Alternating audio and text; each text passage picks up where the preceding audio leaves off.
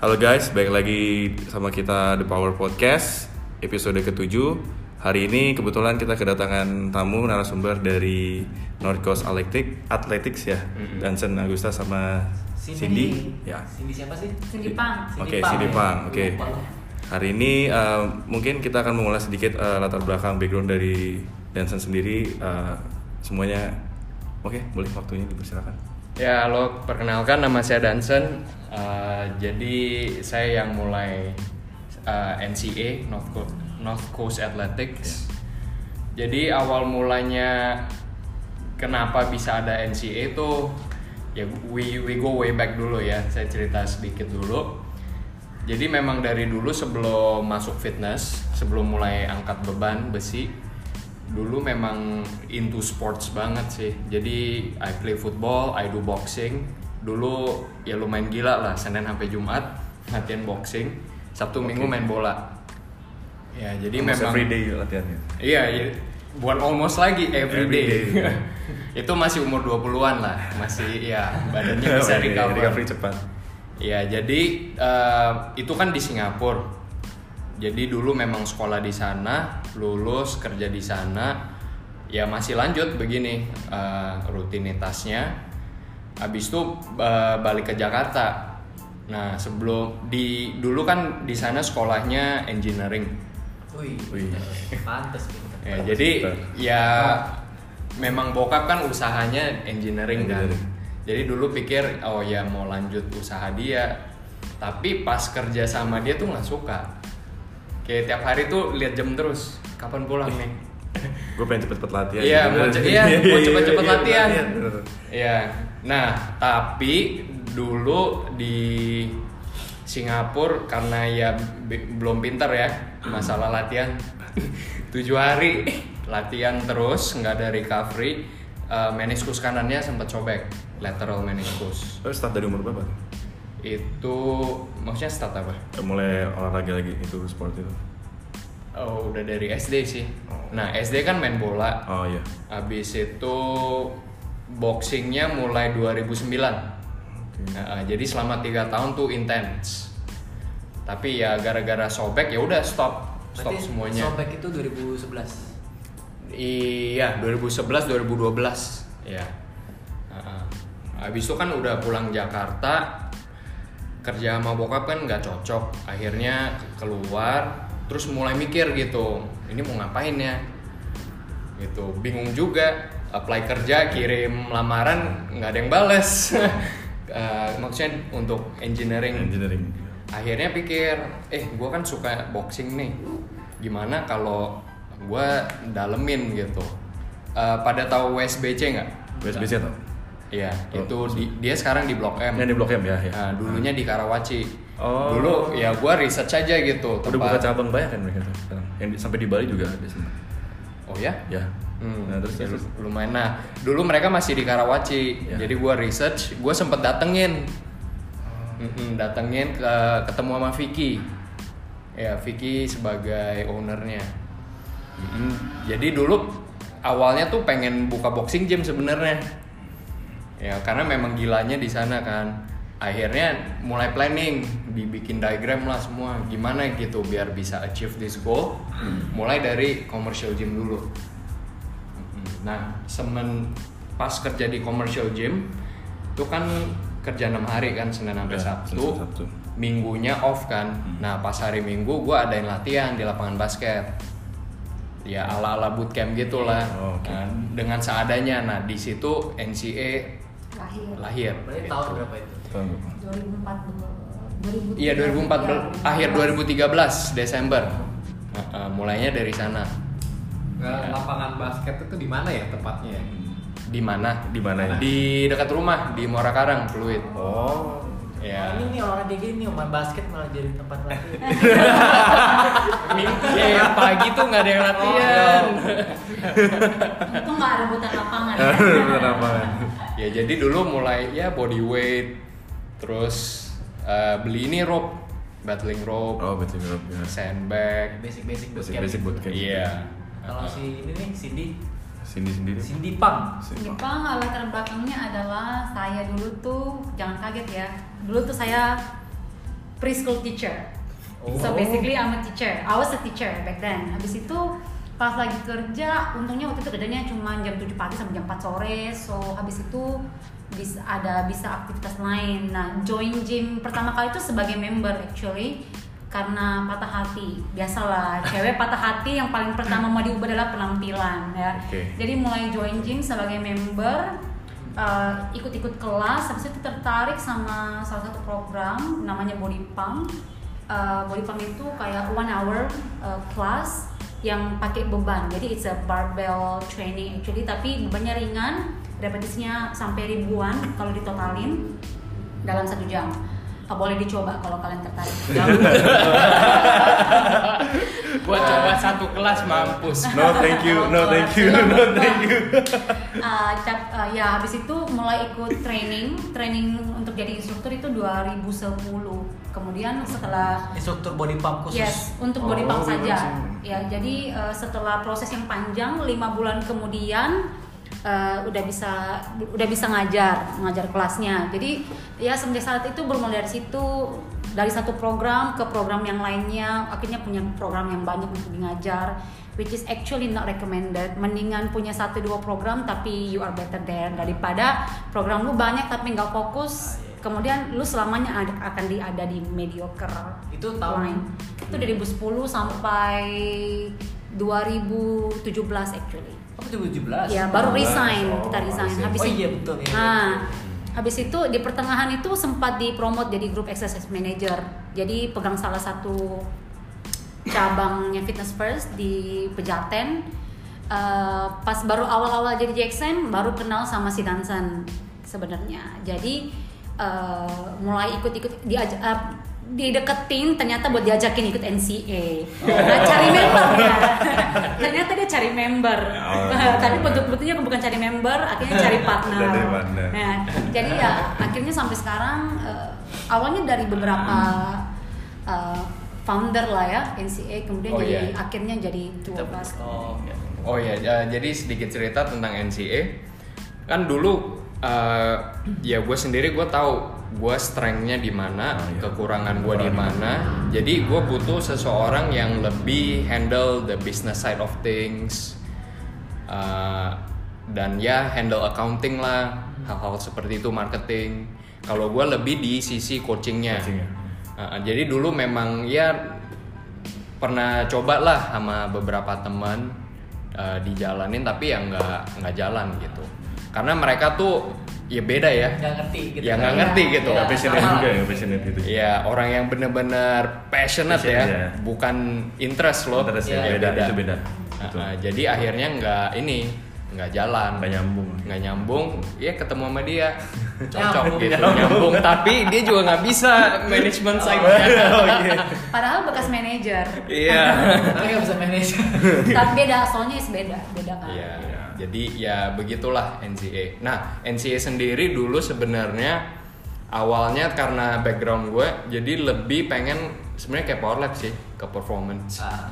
Ya sprint drill lah, begitu gituan. Cuman semenjak gue kerja di commercial gym, kasus yang gue temuin itu maksudnya mereka kan general population kan, Iya. lebih bener-bener fixing their foundation gitu. Sama sih gue juga pikirannya gitu sebelum buat atlet tapi akhir-akhirnya Iya. Belakangan Iya, ya, datangnya seberapa iya. seberapa populasi atlet, Iya, seberapa iya, populasi akhirnya kebalik general people gitu. People. Iya, uh, akhirnya ya ini lagi apa uh, adaptasi lagi kan sesuai demandnya.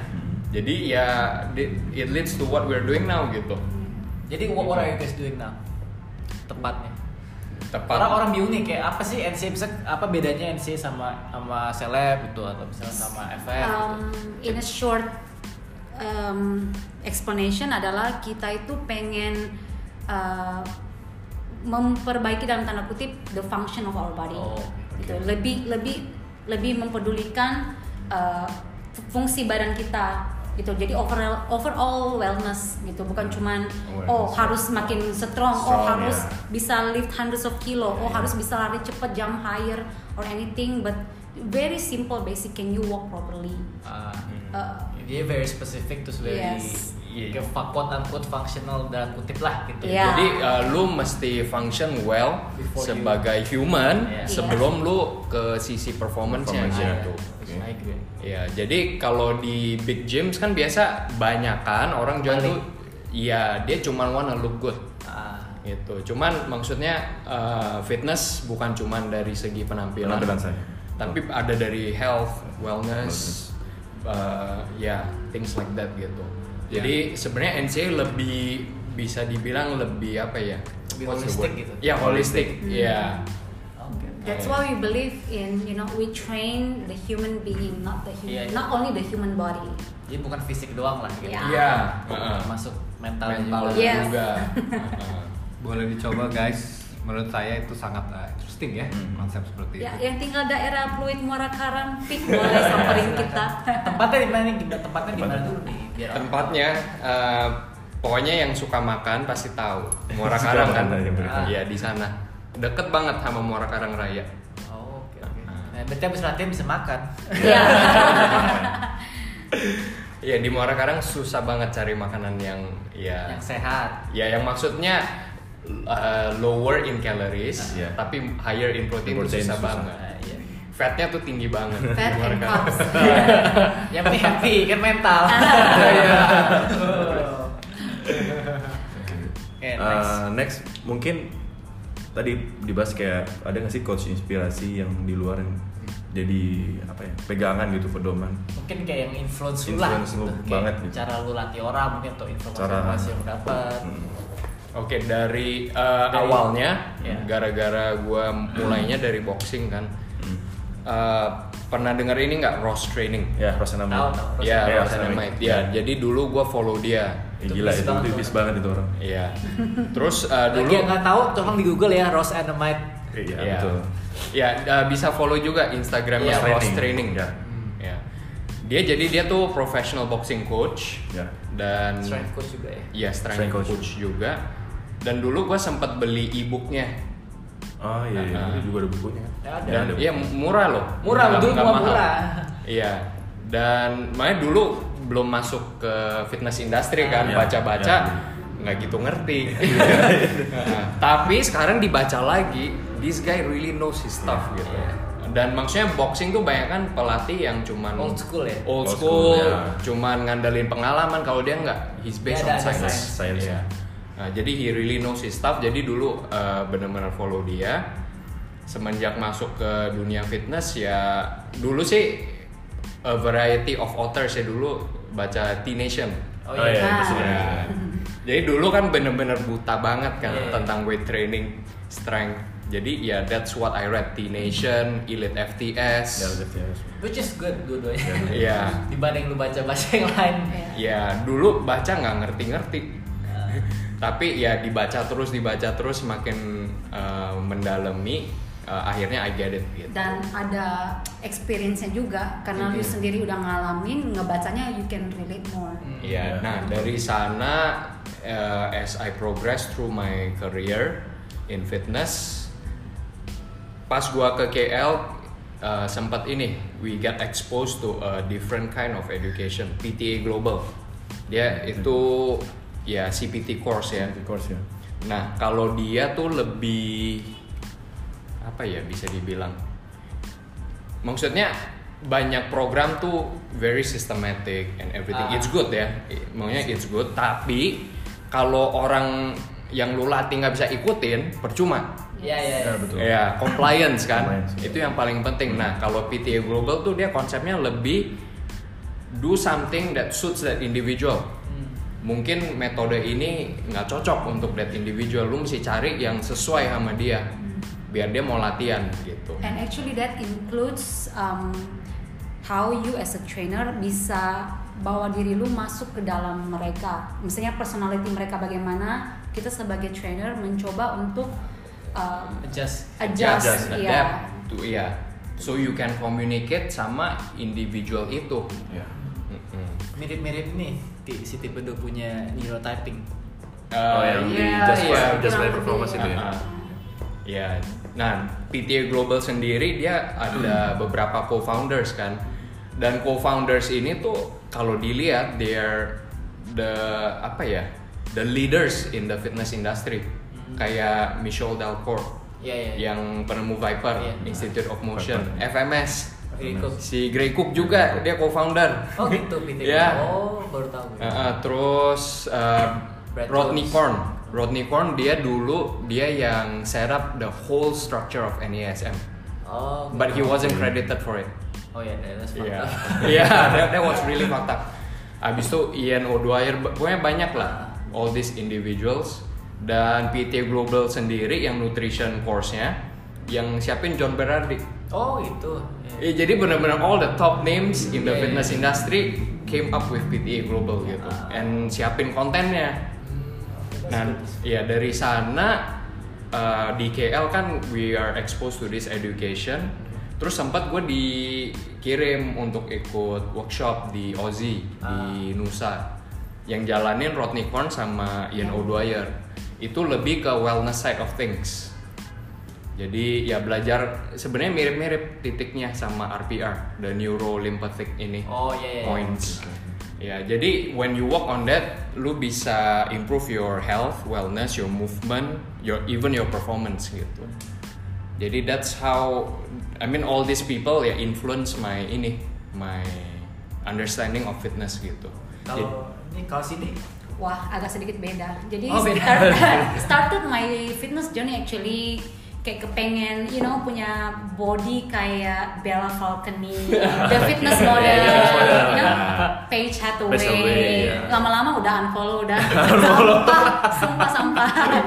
And then shift to, you know, um, beberapa yang benar-benar lebih educate Yeah, yeah, kayak educated. Jacob Harden. I Yeah. like his stuff. Yeah. Um, kemudian I recently yang belakangan currently yang sukanya adalah James Smith karena I also like his James- James personality. Smith yang mana? Ada banyak James James Smith. Ada James. Smith PT yang you know um, dia sarcastic British. ya? Ya. Oh, iya, iya. Nah, karena kurang lebih personality kayak gini. Iya, iya. Kayak- Kayaknya gue merasa gue adalah versi female-nya dia.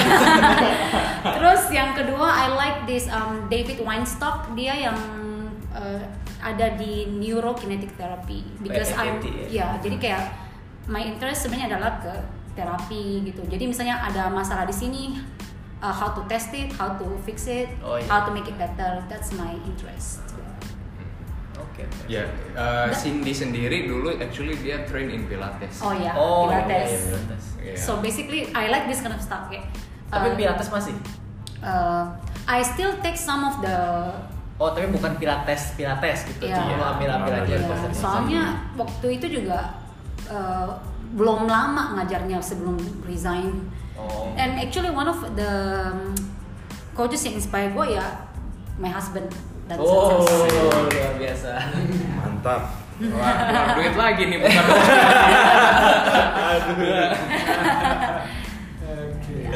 Well, Nah, terus uh, menurut kalian di Indonesia ini sekarang gimana maksudnya uh, maksudnya mungkin fitness industrinya Ya, bagusnya fitness apa industry-nya. atau mungkin ada jeleknya apa Dari gitu. ya, dari Ya, kacamata kalian perspektif iya. kalian sendiri. secara objektif bagaimana? aja gitu Ya. gimana eh subjektif juga boleh sih Subjektif boleh, objektif boleh. Konfrontal kayak Rico kemarin juga. Jadi kalau dilihat uh, di Jakarta sendiri ya, I think it's good ya progresnya. Kayak mulai banyak gym ya. Franchise dari luar juga. Iya, bukan cuma franchise tapi banyak kayak apa sih? Butik, butik Ah, studio iya, iya, gitu. iya.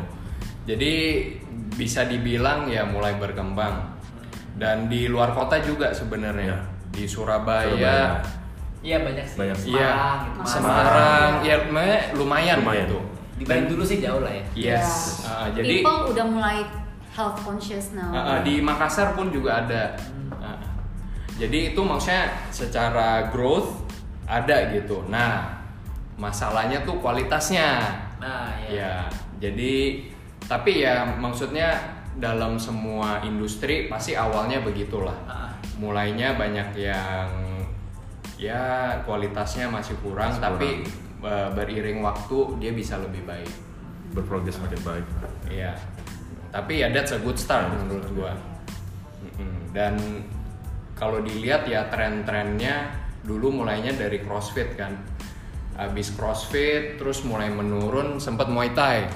oh ya, Ya. Ya, dulu sempat Muay Thai, wih hype banget. Terus Muay Thai mulai turun, apalagi? mulai dari kayak functional functional training Iya, bootcamp bootcamp. shit functional slash bootcamp gitu. Nah, Ya, terus sekarang eh, banyak kan F45 gitu. Iya. Ya. ini boleh sebut merek nih ya terserah anda kita tidak bertanggung jawab apa yang terjadi Oke. Jadi dari segi ya growth ya bagus sih. Nah, Dan sebagai konsumen sendiri ya sebenarnya semakin orang berpendidikan dan semakin lama dia lakuin ini akhirnya dia akan tahu sendiri lah yang mana yang bagus gitu. nah tapi kan kadang problemnya orang orang kalau awam gitu Hmm. kan dia bingung nih menurut gua ini bagus kok gitu kan kayak oh Hmm. gue capek keringat gue lose fat Hmm. secara mental gue lebih healthy kan lebih senang Hmm. kan happy tapi kan nah itu jadi bagus itu kan maksudnya definisinya susah gitu Iya. jadi menurut lu gimana maksudnya kalau kayak tadi lu bilang tahu sendiri yang bagus nah itu tuh gimana maksudnya bagus dalam soalnya gini misalnya gue gue bisa anggap satu latihan ini jelek gitu misalnya Mhm. tapi gue orang itu menurut dia bagus gitu kan Hmm. jadi kan ya gitu ada ada ini ada yang nggak nggak sinkron Nggak jadi sinkron. bagus itu apa gitu Oke. menurut kalian aja gitu sini dulu deh Uh, jadi menurutku mis um, buat uh, konsumen nih buat masyarakat Iya, nih ya buat masyarakat, iya. uh, dia pasti pertama akan cari tahu dia maunya apa Hmm. misalnya dia mau lose weight dia mau oh dia tiba-tiba mau ikut kontes bodybuilding atau apa Iya. gitu yang dia akan cari adalah coach yang bisa membantu dia untuk mencapai goal tersebut Iya. misalnya dia mau oh gue mau uh, bisa kettlebell gue cari idam Oh. Ya, oh, gue mau Promosi, bisa promosi. Oke. Promosi. gue mau bisa sprint, gue cari Rico. Oh, gue Redo pengen. mana Redo? Oh ya Redo. Coach gue tuh. Iya, Gue pengen weightlifting. gitu. pengen weightlifting carinya Mario Mario. Jadi Eh, ini Sam. Mau. Ah, cari semua. Eh, ya mau semuanya mau. Jadi maksudnya menurutku dulu gue pikir ya, dulu gue pikir masyarakat tuh agak bego, maksudnya salah gue juga sih, maksudnya pikir pikiran gue adalah oh mereka itu kayaknya nggak bisa mikir, tapi makin ke belakang apa yang kita lihat kita juga mulai interaksi sama orang, they are not that stupid. stupid, Stupid, gitu, ya. mereka bisa mikir dan mereka akan karena mereka yang keluar duit, ah, iya, kayak iya. dia akan membayar, jadi dia pasti akan lebih selektif dalam memilih uh, siapa yang mereka bisa percayakan fitness journey Yes. mereka Iya. Hmm. kalau misalnya mereka mau uh, contoh kita nih berdua kenapa people cari kita orang yang cari kita nggak pernah cari kita untuk gue pengen punya six pack gue gue pengen punya figure dia nggak pernah cari kita karena apa yang kita portray di social media bukan itu ya iya nah Yes. dia- kita portray adalah lebih banyak Health. well- health Yeah, wellness, you wellness, know ya. movement Mo- based ya. Movement quality. Yes. Ah. Jadi um, kalau misalnya dia coba sama kita berdua nggak cocok, misalnya dia akan cari coach lain yang mainnya di sekitar situ gitu loh. yang lebih connect lah Iya, Mm-mm. seperti itu. that's a good viewpoint Ya. Jadi sebenarnya eh, ini my opinion ya. Too much of something tuh menurut gua nggak gitu bagus ya. Jadi kalau lu mendalami suatu hal ya memang kalau lu mau bener-bener ngerti lu mesti just do that thing. Tapi eventually biar lu nggak injured, biar lu lebih overall developmentnya bagus, lu mesti do other disciplines gitu. Yes. Yes. ada variety lah Ada Ada variety, iya. Jadi misalnya lu sering angkat berat apa fokus ke recovery side-nya sama movement uh, quality-nya. gitu Iya, Discipline uh, side. Ya. atau kalau lu banyak yoga-yoga, lu mesti angkat beban gitu. iya. Yes, Ya. more balance out Iya, uh, jadi sebenarnya to me that is good. Ah, ah. Uh, Uh, And that's what we are encouraging in Mm-mm. our business gitu. ya. Karena uh, misalnya you like one thing and lu mau cari uh, the supplement, cari yang bisa support you punya main main interest. Main interest, ya. Ya.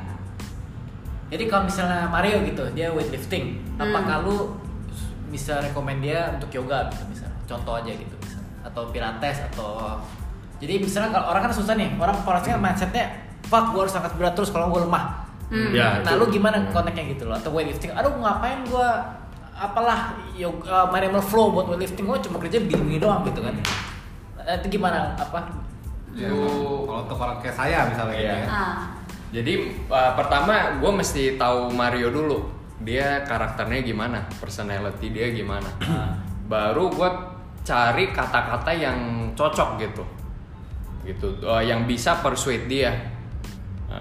Biar gue bisa masuk gitu message-nya Ah. kalau bisa uh, play on his emotional Wah, Saya- ya soalnya sesuatu yang emotional tuh langsung direkam sama Iya. sama brain Ya, betul. Itu actually setuju soalnya waktu gue pernah dengar podcast ada yang gue lupa siapa deh dia bilang you cannot apa uh, argue an emotional thing with a logical Yeah, reason gitu. that is true. Iya. Nggak bakal menang gitu. Iya, Kalau iya. orang udah you feel something mau lo selogical apa pun nggak bakal didengerin gitu. Iya. masuk.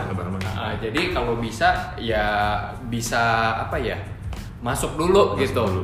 nah dari sana baru pelan-pelan arahin dia ke sana gitu Eh, ke sana tuh misalnya seperti apa? Apakah yang saya dapat benefit kalau misalnya saya join NCA misalnya gitu? Dengan dengan saya Mario nih yang Hmm. mengangkat besi tiap hari, apa yang bisa saya benefitkan? Jadi yang paling simpel dah Ah. dari ini kaki kita dulu Ah. fit. Ba- ini kan fondasi kita. Hmm. Bayangin kalau uh, kaki kita our feet tuh nggak stabil.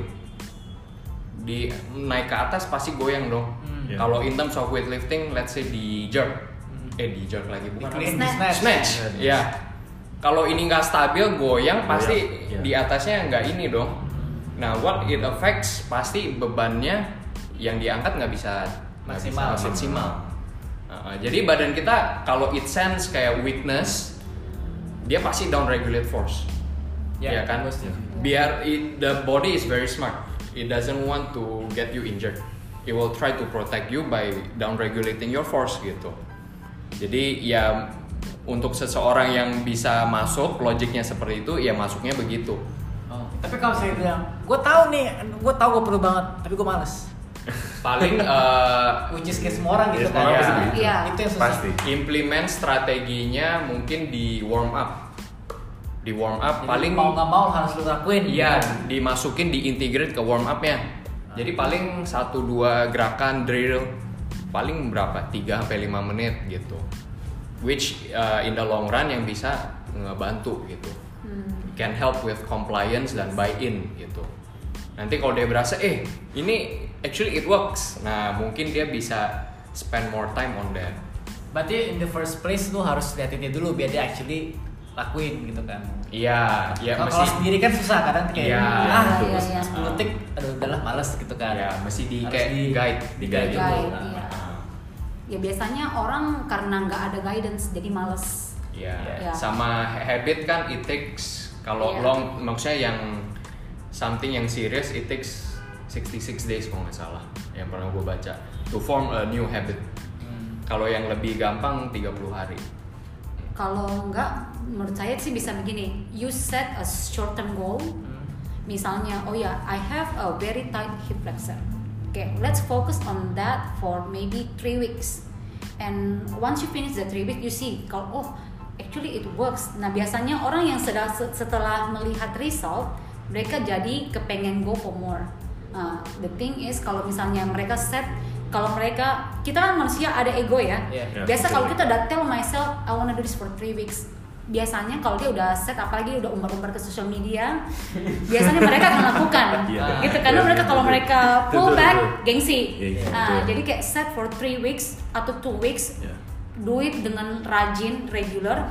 Kalau and then you feel the, the difference, okay, this actually works dan you see result. Orang biasa malas karena satu dia belum dia nggak bisa lihat langsung result, dua dia pikir uh, terlalu lama. Ya jadi jangan pikirin lamanya, set short term goal. Jadi kalau short itu menurut kalian 2-3 weeks gitu lah ya. To Sebenarnya effect change ya Iya. 3 to 4 sih Iya, sebenarnya. iya. Ya kayak one cycle lah. Ya, one cycle, ya. 3 to 4 weeks. short week, short short term goal. Jadi saya bisa simpulkan NCA ini kalau misalnya saya join NCA atau belajar sama Danson eh, ini seperti simbiosis mutualisme ya. Saya tetap masih bisa melakukan saya punya aktivitas, Ah. tapi juga diperbaikin hal-hal yang eh, mungkin saya dysfunctional atau mungkin yang saya kekurangan. Iya. Iya. Seperti itu ya. Nah. Kayak kayak kutu dong. Eh salah, itu parasit. Itu parasit, itu parasit. Oke. Tapi uh, tergantung Kasus kasus, ya. juga ya. Kalau memang bener-bener parah banget, kayak let's say knee valgus, ya mungkin mesti You need scale to back take dulu. a step back ya. Uh-uh. Nah Jadi itu regress lah. susah step back-nya itu. Regressnya biasa susah. So kalau orang udah kuat atau misalnya orang udah advance banget kan disuruh stop nggak mau gitu kan. Ya. ya kayak kayak contoh kayak misalnya lu assessment orang nih gitu kan contoh kayak gua ada waktu itu Kemarin ya kapan lah Iya. Mm. ada assessment parah banget nih wah hamstring active swing leg raise misalnya 20 derajat 30 derajat gitu Ah. kan Super pasif dan aktif dua-duanya loh ya Hmm. Iya, iya, rotation iya. limited 10 derajat Ah. kiri 20 derajat kanan gitu kan parah bener parah ankle mobility half kneeling test 1 inches from the wall Hmm. shoulder external rotation kayak literally kayak 90 lebih dikit lah Wow. nah kan dia udah, udah tahu nih hasilnya nih Iya. udah, udah di gue tes Iya, gitu iya, kan iya. jelas Hmm, Nah, gue bilang oke ini lumayan parah gitu lu Iya. mending nyantai dulu gitu iya. satu-satu ter- pelan-pelan kita introduce lagi movementnya Iya. ketika udah mulai bagus itu kan Iya.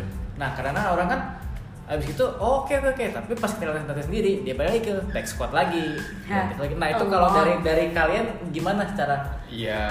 ininya gitu Ya, karena we- kita udah kasih lihat hasil gitu kan Iya. ini loh kalau kayak ini ini bahaya, Bahaya, ya? betul. bisa Iya. injury Iya. gitu loh Jadi, tapi mereka nggak mau gitu. Kalau it, maksudnya kalau dia PT klien ya, gue Iya iya PT klien PT klien. atau orang yang, yang datang sekali lah gitu deh datang sekali dulu deh Oh ya, yang datang sekali ya, maksudnya ya sudah, kita mau gimana? Yeah. Lepas gitu. We have done Berarti our we have done our part. Dan Sometimes kalau- they ya. need to do theirs. Hmm, Oke, kalau dari mereka nggak mau ikutin ya apa boleh buat.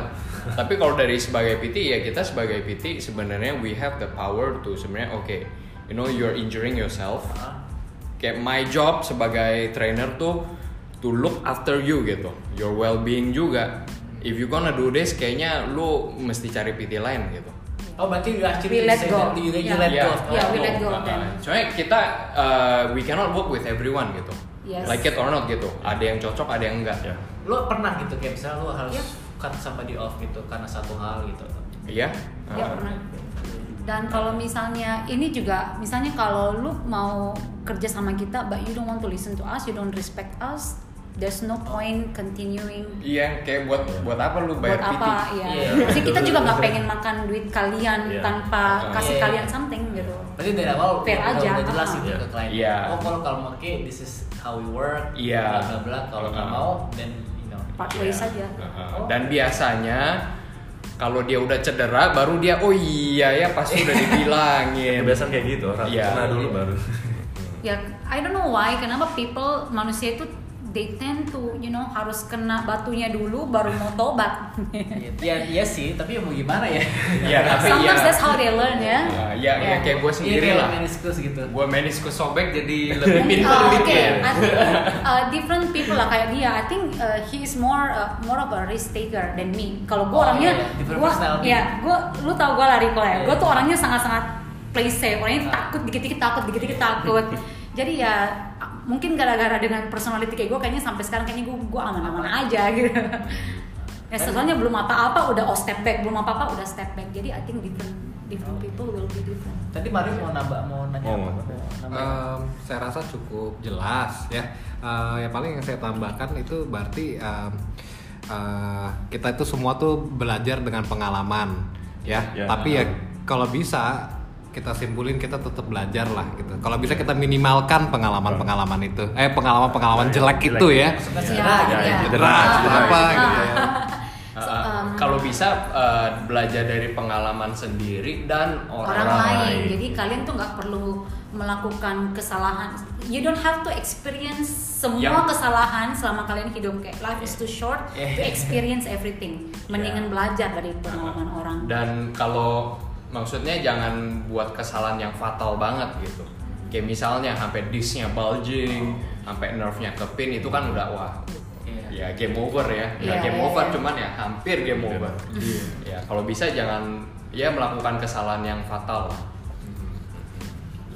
And always uh, listen to your body lah. Your body will always send you signal. Jadi Hmm. just be you know like be aware. Iya dan kalau cedera ya uh, how your body function itu berubah loh. Oh iya, Iya, betul Ya kayak ini gue umur 15 ankle kiri gue gue pernah ini uh, kesleo sampai sekarang dia ini nggak nggak nggak Stabil. stabil. Hmm. Uh, dan it will affect everything of the chain. Everything. Yep. Jadi mulai dari squat apa gue Ya. pasti kompensasi. Even sekarang gue angkat kaki, angkat kaki kanan, jadi yang support kaki kiri itu nggak sestabil yang Stabil kanan. kanan. Si trainer juga punya Iya jadi jadi iya trainer tuh sebenarnya mengalami semua kebodohan dan kesalahan biar kalian nggak ngelakuin lakuin. yang sama Ah, gitu. iya. Jadi that's a reason why your trainer tell you something gitu.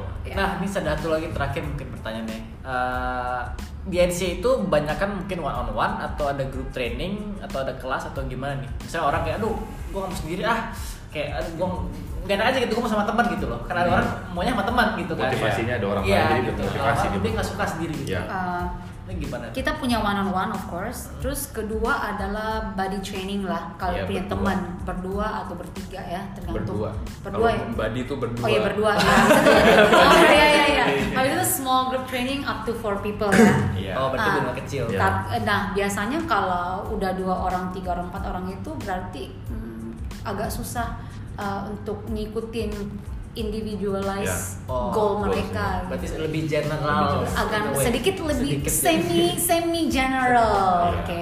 Sebisa mungkin dicocokin and we do our best karena Hmm. even though their goal is the same, their condition might be Different. ya. iya. Starting Their needs, ya.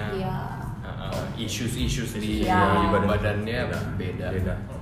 Nah ini kalau seorang mau ketemu kalian nih, mending kontak lewat mana? Terus misalnya sesinya pertama kan harus ngapain? Mau gini aja tentang NC dulu gimana biar orang tahu gitu.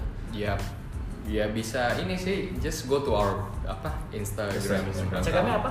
NCA Indonesia. NCA Indonesia atau our own personal bisa juga Dansen Agusta Yummy sama- oranges. Yummy Oranges. Jeruk yang enak. Iya jeruk yang enak. Which is actually um, ironis karena sekarang gue nggak bisa makan jeruk.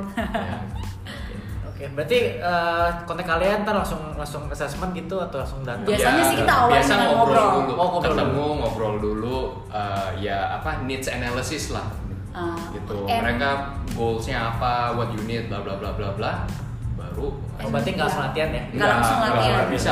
Nggak bisa. Nggak bisa actually. Nggak bisa Oh, langsung bisa. latihan. Berarti yang mau langsung latihan jangan ini nggak yang salah. maksud- mesti Ya. ngobrol dulu. Jadi kan kita dulu. tahu Iya. backgroundnya apa. Iya, Kan mungkin kita langsung jelas. Iya. blindly kasih exercise. Oke. Eh, mungkin cukup segitu dulu untuk hari ini. Mungkin next Oke. time kita bisa part 2 kalau mau. Atau Mario ada mau nambah Ada lagi? buat tambahan atau closing? Um, jadi uh, kita closing aja satu final words untuk para pendengar kita apa nih pesan terakhir Ya. dari kita pengalaman kita atau gimana terus Dari Dansen dan Cindy. untuk mengambil Iya. kesimpulan ini Oke, jadi uh, in life you need to work, you need to work towards your goal lah gitu. To what you want to achieve, you need to work for it gitu. Sama to your fitness goal, your health goals, bla bla bla. Dan jangan anggap fitness tuh cuman ya komitmen setahun. Gue udah achieve goal, gue udah. Ya, jadi it's a lifestyle, it's a way of Yeah, living way of living. gitu. Badan kita tuh didesain untuk bergerak. Oke, you cannot fight biology, oke? kita tuh bukan robot ya. Memang kita didesain seperti ini. Jadi you need to respect, you need to respect biology gitu. Jadi incorporate this as part of your lifestyle. Hmm, That's the key to success. Biar lu maksudnya in your fitness goal ya. Dari Cindy Dari ada mungkin. Uh, kalau dari gue, mm, always take care of your well-being because it always starts from there. Your well-being, eat better food if you've been eating junks. Take care of your sleep, take care of your recovery, and yeah, try to live in a better environment. You know, try to distress karena kita nggak bisa hidup tanpa stress. You always have stress in our life. Kalau lu nggak mau stress, lu go die, oke? But then cari cara gimana untuk mengurangi stres kalian kayaknya sangat penting sangat sangat penting bahkan untuk performance kalian these things yang I just mentioned are very important that's all Oke, mungkin uh, untuk episode 7 sekian. Sampai jumpa di episode selanjutnya. Bye. bye bye